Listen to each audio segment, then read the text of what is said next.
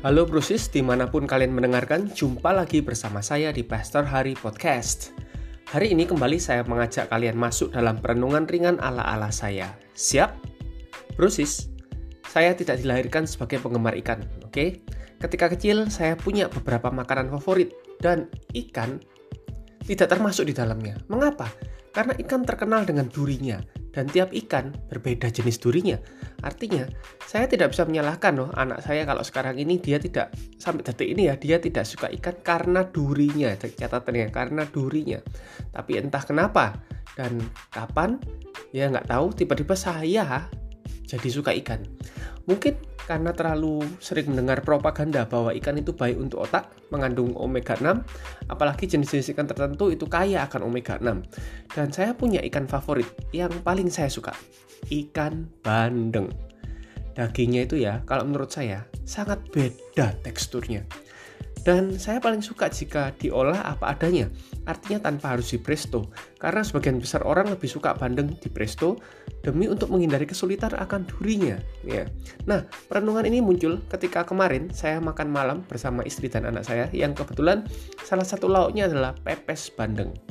Dan anak saya lah banget, tumben. Ya, saya tanya, tumben nih, suka bandeng? Jawabnya sederhana, iya kan sudah tidak ada durinya. Sudah bandeng cabut duri alias tanpa duri boneless. Jadi tinggal santap gitu. Jadi intinya sebenarnya dia mau bandengnya jika durinya disingkirkan jika tidak ada durinya. Hmm ini langsung menggelitik pikiran dan hati saya. Sepertinya kebanyakan orang punya jalan pikiran yang sama. Ini bukan lagi hanya tentang bandeng ya. Ini tentang hidup ini kita semua suka menikmati hidup yang tanpa duri, tanpa rintangan, tanpa masalah. Siapa yang nggak suka? Kalaupun ada duri, ada tantangan, ada masalah, bisakah seseorang memprestonya, menyelesaikannya? Buat aku, ya kan? Sehingga aku nggak perlu lagi menghadapi kesukaran dan kenapa harus ribet berproses. Jadi sebenarnya anak saya itu ya bukan tidak suka bandengnya, tapi dia tidak suka durinya tidak suka kerepotannya, bandengnya dia suka sebenarnya. Sama seperti kita, kita tidak mempermasalahkan dalam hidup ini, ya apa pun yang ada dalam hidup ini, selama kita bisa enjoy dan enjoy dan enjoy. Janganlah ada masalah, janganlah ada sakit penyakit. Maunya sih berkatnya aja, tapi nggak mau kerepotannya, nggak mau usahanya. Wah kalau begini repot dong. Padahal dari prosesnya, setiap orang pada akhirnya akan menikmati kepuasan lebih besar dari sekedar terima jadi saya menikmati proses dengan duri bandeng sehingga saat saya makan dagingnya saya lebih menikmatinya karena ada perjuangannya, ada prosesnya. Ini sebenarnya sama dengan makan kepiting. Saya baru sadar nih ya. Eh, beberapa orang ya saya baru sadar ketika mempersiapkan ini beberapa orang akhirnya menghindari kepiting menghindari makan kepiting ya karena proses unboxingnya ya proses melepasi dagingnya dari cangkangnya kecuali benar-benar kepepet pengen banget alias ngidam ya kan Tuhan memberi kita hidup untuk dinikmati. Benar, memang sangat benar. Tapi hidup yang dia janjikan bukan hidup yang bebas badai, bukan hidup yang bebas masalah, bebas penyakit, bebas bukan lagi bebas yang lain-lain. Bukan cuma kesenangan aja dalam hidup ini, bukan cuma berkat aja. Selama kita masih hidup di tubuh yang fana dan rentan ini, apalagi masih tinggal di muka bumi, kita sangat rapuh dan berpeluang mengalami banyak hal. Tapi apakah itu berarti kita tidak menghargai kehidupan yang dia beri. Esensinya tetap sama loh. Yang disajikan pada kita adalah hidup yang kita jalani. Esensi di meja makan kemarin sama, bandeng. Entah berduri atau tidak berduri, berduri, bandeng tetap bandeng.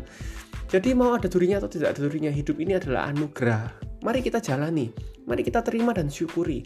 Lihatlah Ayub mengajarkan pada kita, mengingatkan pada kita semua di Ayub pasal 2 ayat 10. Begini bunyinya. Tapi jawab Ayub kepadanya, engkau berbicara seperti perempuan gila. Apakah kita mau menerima yang baik saja dari Allah, tapi tidak mau menerima yang buruk?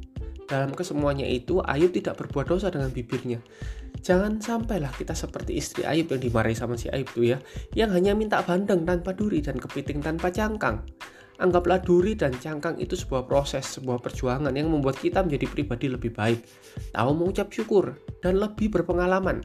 Proses beneran loh, begitu saya menjadi penggemar bandeng, suka bandeng ya, uh, saya jadi sangat berpengalaman dalam memisahkan duri dari dagingnya.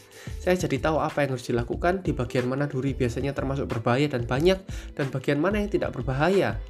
Jadi, apa pun dalam hidup ini, apa pun yang disajikan di hadapan kalian, di hadapan kita, jangan mengeluh, jalani, dan nikmati. Itu adalah anugerah Tuhan buat kita. Paulus bahkan menegaskan di uh, 1 Tesalonika 5 18, mengucap syukurlah dalam segala hal, segala hal, duri dan daging, mengucap syukurlah, sebab itu yang dikehendaki Kristus dalam kamu. Ayo berdoa yuk. Tuhan Yesus terima kasih buat anugerah kehidupan yang kau beri. Ampuni kami jika Tuhan jika kami dalam hidup ini kami masih sering mengeluh dan mengeluh dan mengeluh. Kami mau belajar bersyukur dan menikmati apa pun yang ada di hadapan kami dalam hidup kami, dalam hari-hari kami. Terima kasih Tuhan, dalam nama Yesus. Amin. Semoga ini memberkati kalian. Jika proses ingin terhubung saya dengan lebih lagi, ikuti saya di Instagram @haryadi Sutanto, H A R I H A D I Sutanto. Tuhan berkati. God loves you.